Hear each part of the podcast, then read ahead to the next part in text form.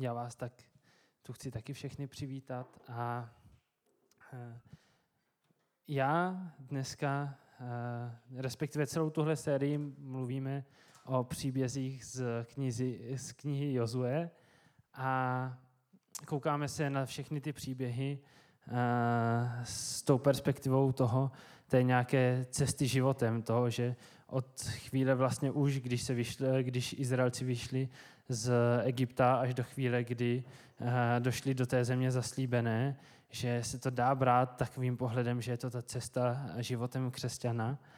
A tak se na to chceme koukat takovým způsobem, jak vlastně vcházet do těch zaslíbení, který nám Bůh eh, zaslibuje v Bibli a který nám dává i nám osobně. A jenom tak eh, na úvod, ne, nebo tou zemí zaslíbenou v tomhle nějakým podobenství není myšleno uh, nebe, není tím myšleno, že pokud ty věci, o kterých dneska budu mluvit, ne, nebudeme dělat, takže nepůjdeme do nebe. Uh, v Biblii je jasně dáno, že kdo uh, uvěří v srdci a vyzná ústy, že Ježíš Kristus tu žil, zemřel a vstal z mrtvých za jeho hříchy, tak bude spasen, ale věřím, že Eh, tady na zemi Bůh pro nás má eh, mnoha zaslíbení, mnoha věc, eh, mnohé věci, které pro každého z nás má naplánovaný a to je ten cíl, ta země zaslíbená. Nicméně o tom se tak jako často vlastně mezi křesťany a obecně mluví, ale co je tím cílem vlastně myšleno, co to má být. A myslím si, že na to je Eh, docela dobrá odpověď v 2. Petrově, eh, první kapitola, třetí a čtvrtý verš.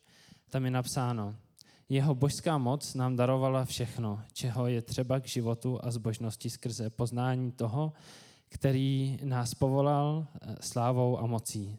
Tím nám byla darována vzácná a velká zaslíbení, aby se skrze ně stali účastníky božské přirozenosti a unikli zkáze, která je ve světě v žádosti.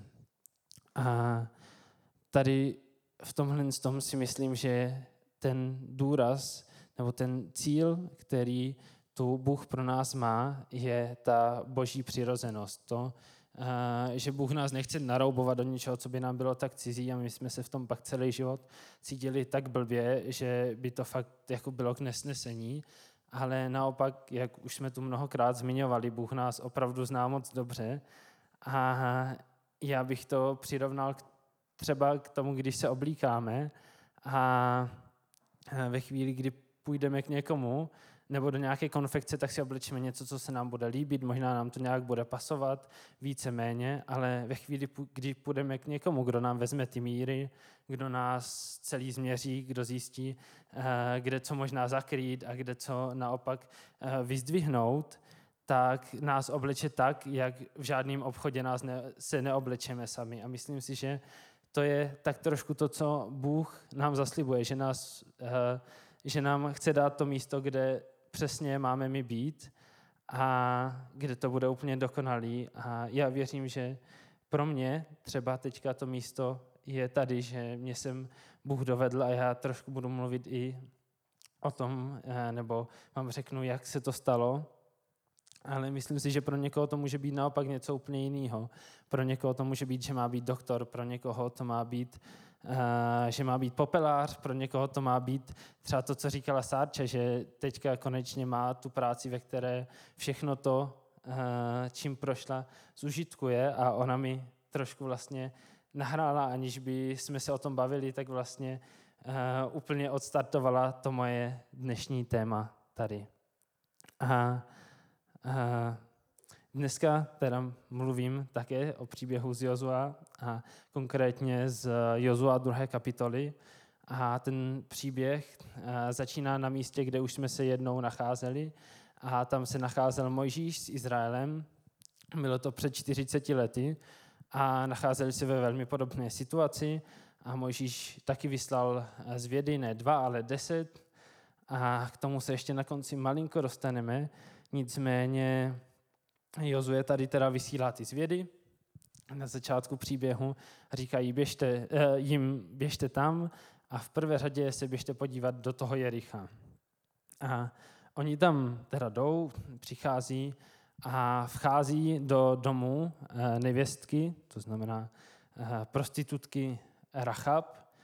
A v té době to znamenalo něco úplně jiného, než to znamená dneska, to, že Rachab byla prostitutka. Ona si to nevybrala, nejspíš to bylo na základě jejich rodičů, kteří buď měli dluh, nebo ji chtěli zasvětit na mním božstvům, protože ona v podstatě to byla kněžka, která zároveň fungovala jako nějaká společnice pro krále, pro ty kněží, kteří sloužili těm božstvům. Rachab konkrétně nejspíš byla zasvěcená bohu měsíce. A, a zároveň, krom toho z toho, uh, měla ještě jeden úkol, jednu práci, a to, že hlídala celý Jericho, protože ve chvíli, kdy tam přišel nějaký takový cizák, jak třeba tady ti dva zvědové, tak oni museli přijít k ní. Oni neměli kam jinam přijít, oni museli přijít k ní. A ona byla ta nejinformovanější ze všech a ona moc dobře věděla, kdo oni jsou. A tak její úkol byl, pokud to byl nějaký člověk, co e, měl něco proti té zemi, tak ho třeba opít nebo nějakým způsobem ho tam udržet, dokud nepřijdou vojáci, neodvedou ho pryč. To znamená, že ona byla vlastně taková jejich tehdejší tajná služba. A a to byl její úkol, který v tomhle příběhu vlastně nesplnila.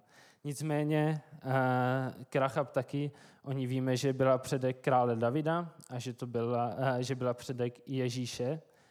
A nicméně eh, dál, oni tam teda přišli, přišli k té Rachab, která už nejspíš takhle několik lidí vydala a oni se doz, o, o tom se dozvěděl ten král, přišli tam vojáci, ona řekla, schovejte se. Schovala je a v té době jim muselo už rotovat hlavou, proč, vždyť to prostě to. A tak oni, ona je poslala pryč, jo, poslala je někam za nějaký uh, kopce, že jako přišli, jo, jo, přišli, ale šli tam tím směrem, tak běžte je honem chytit. A protože toto už udělala třeba desetkrát nebo patnáctkrát takhle je za někým poslala nebo jim někoho vydala, tak oni neměli důvod jí nedůvěřovat, protože to byla ta její práce, to, co ona dělala běžně, že takhle vydávala ty lidi. A, a ona je teda pak zavolala zpátky a oni se jí podle mě museli ptát, proč si to udělala. Vždyť ty si teď vystavila nebezpečí sebe, svoji rodinu, úplně všechny. A k tomu se ještě pak trošku dostaneme, nebo vlastně trošku víc, ale úplně ve zkratce ona řekla, protože vím, nebo věřím, že váš Bůh, hospodin, je větší než všichni naši bozy. A tak pak se s nima domlouvá na tom, že když oni tam přijdou, takže ona dá tu eh, nějakou červenou šňůru z okna a bude tam mít celou tu svoji rodinu a že jim neublíží.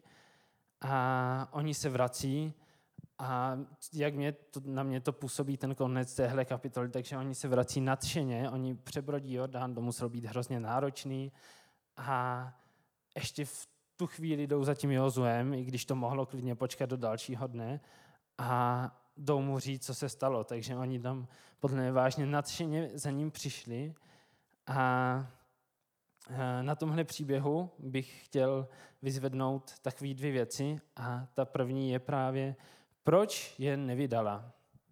Proč je schovala? A to uh, se dozvídáme v Jozuovi v uh, druhé kapitole 9. a 1 až 11. verš a tam se píše, vím, že hospodin vám dal tuto zemi, to říká Rachab. Uh, řekla jim, vždyť jsme kvůli vám strachy bez sebe, Všichni obyvatelé země se před vámi třesou.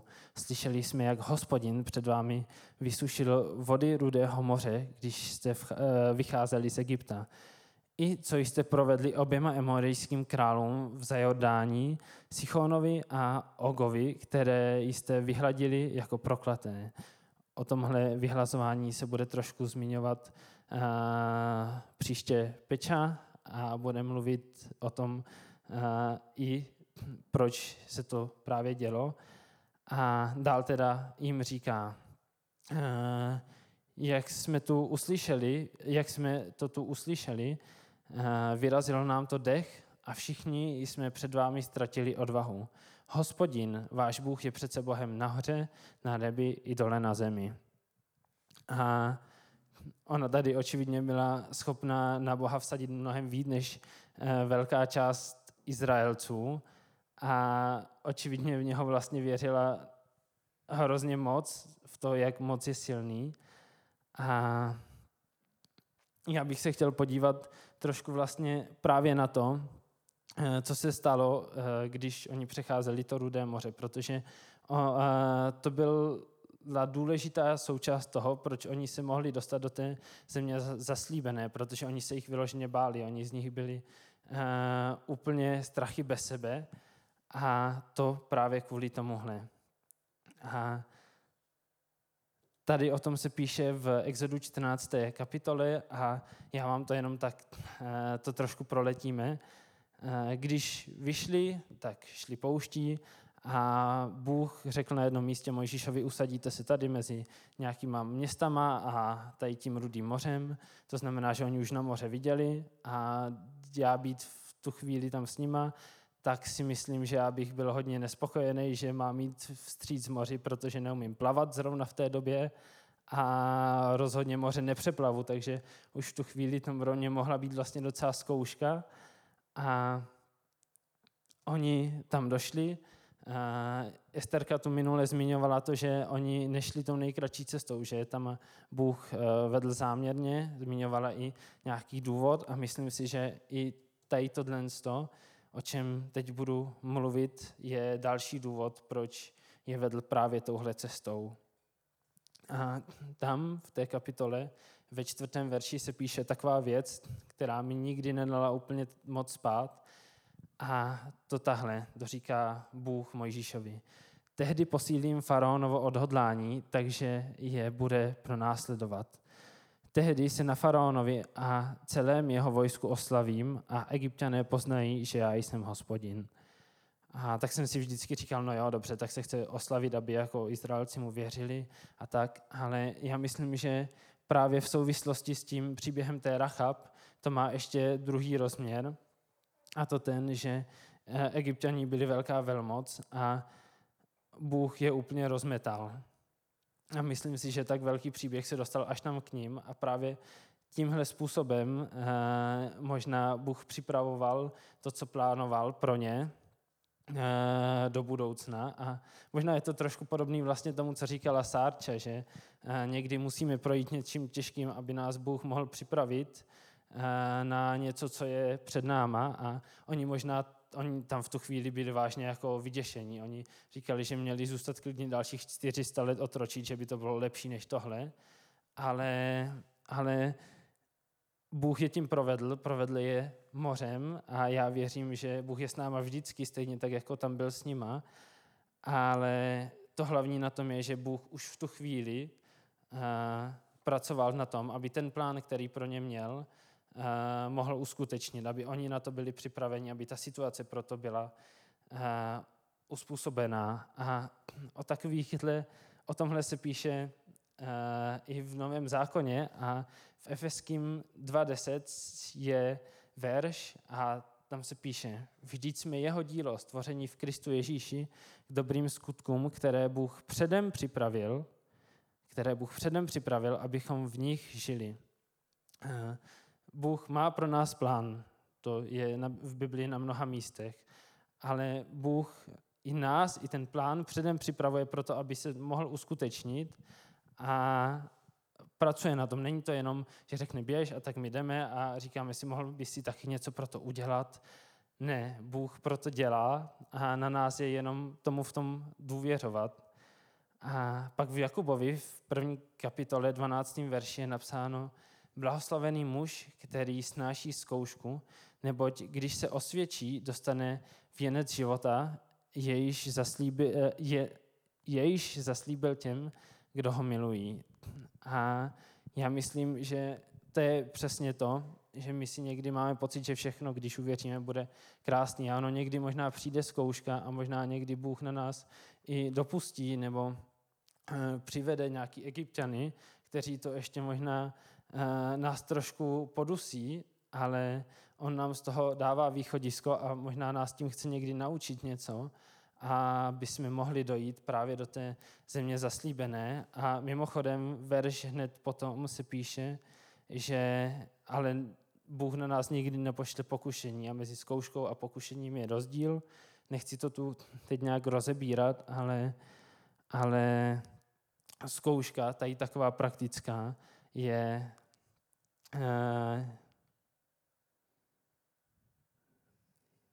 já jsem se v tom trošku zacyklil, pardon, je něco, co Bůh někdy dělá. A já bych právě tím chtěl uh, vám říct něco, co jsem tak prožil já, tady z tohohle z toho.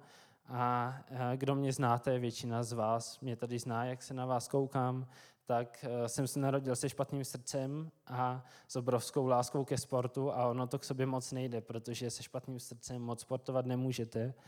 A já jsem moc chtěl, a tak jsem si vždycky říkal, bože, tak jako, a mi to docela jde, tak ty určitě chceš, aby jsem se nějak uzdravil, uzdravíš to a já pak budu prostě vyhrávat všechny ty, já nevím, Grand Slamy a všechno. A prostě vždycky na konci řeknu, a to díky bohu, a teď se budou obracet davy a moje doktorka se obrátí taky, protože to nikdy neviděla a prostě bude to skvělý a to byl můj plán. A tak jsme chodili po různých lidech, co říkali, že jako uh, mají uzdravující dotek a všechno a nic. Modlili se za mě a nic. Vždycky jsem tam šel s nadějí, teď už jsem zdravý, teď už mě ani nemusíte kontrolovat a nic. A já jsem se pak vrátil a probrečel jsem to hrozně moc, protože pro mě to bylo to všechno. Ta, to, to nej, nejvíc v mém životě a byl jsem přesvědčený o tom, že mě Bůh prostě nemá rád.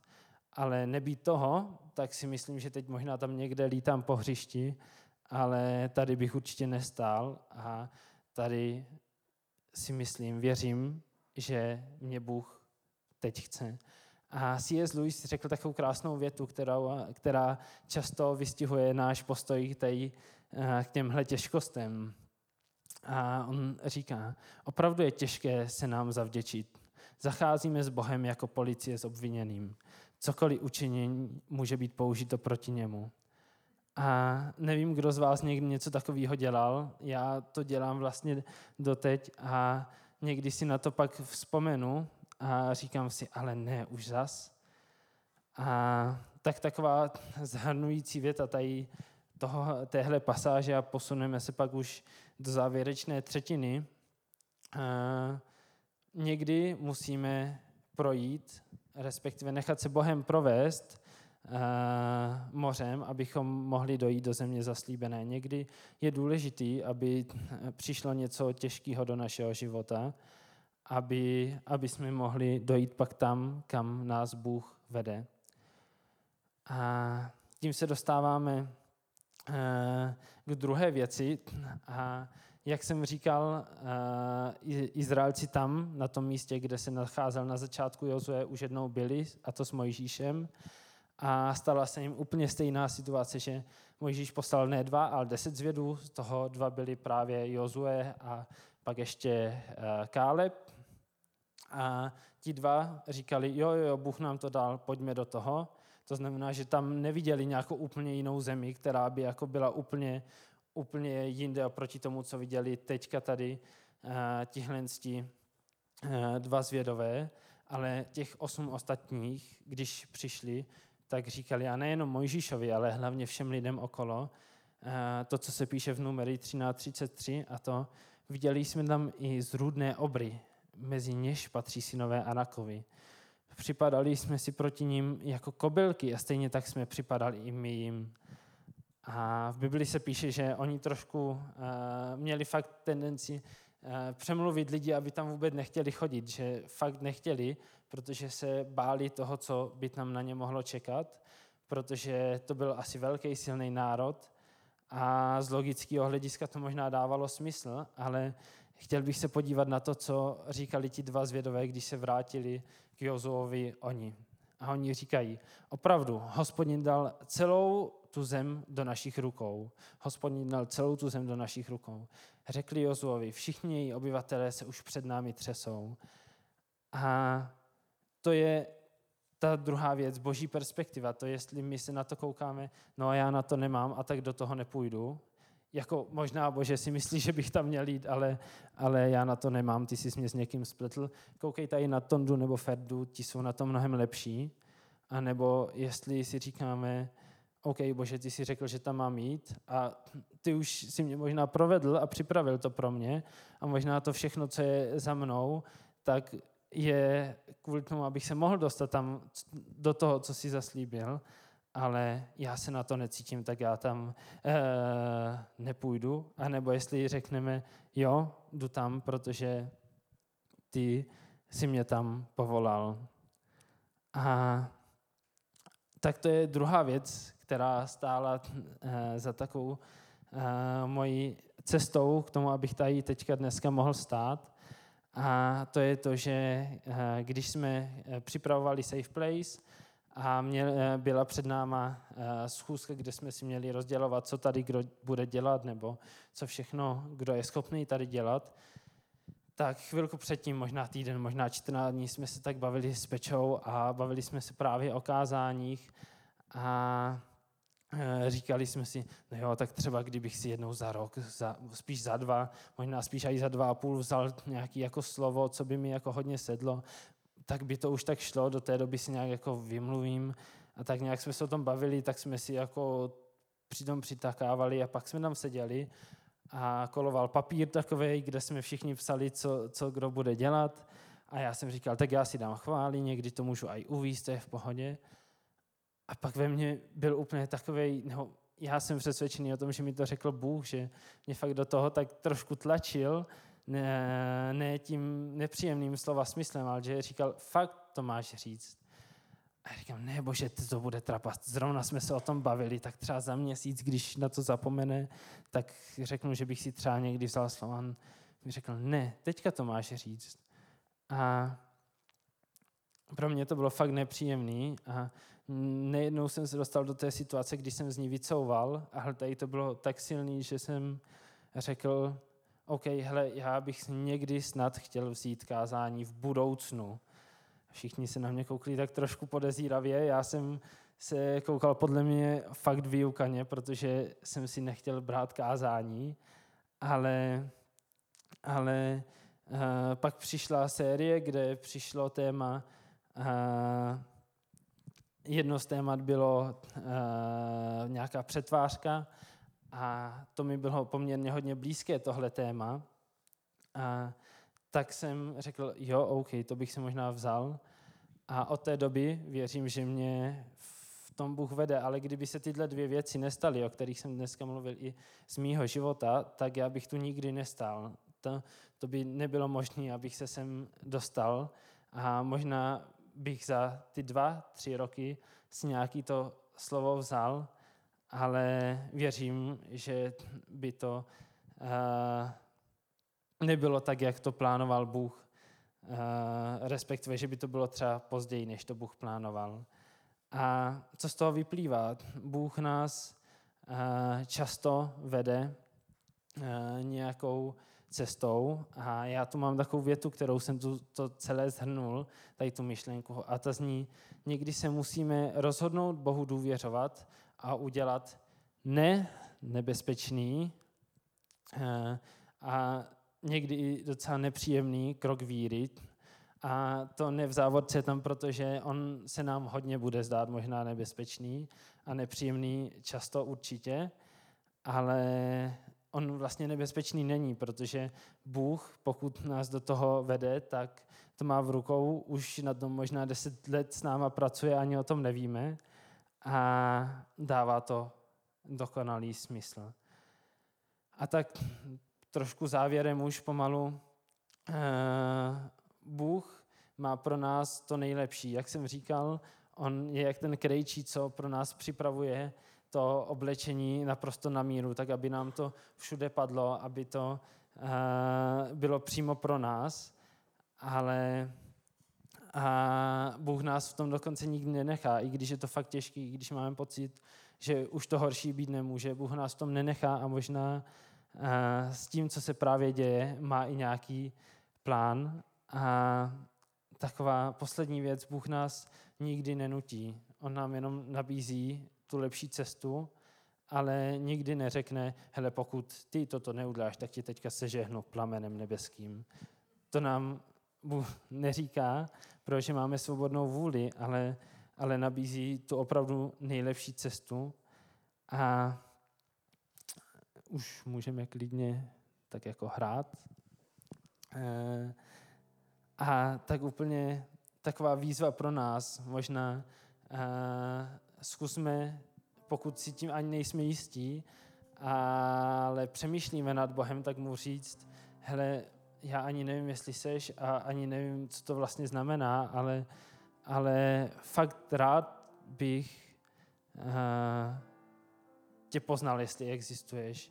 A pokud už Boha známe, uh, tak se můžeme teďka rozhodnout mu v těch těžkých chvílích opravdu věřit a věřit tomu, že to má i nějaký svůj smysl a důvod. A ve chvíli, kdy dojde na lámání chleba, my musíme se rozhodnout, jít buď do toho Jericha, do té země zaslíbené, i když to vypadá fakt nebezpečně a jako fakt hloupý nápad, anebo říct, hele bože, to asi není tak, jak to, to má být, tak se rozhodnou udělat ten krok, ke kterému nás vede Bůh a ne a to, co je v nás.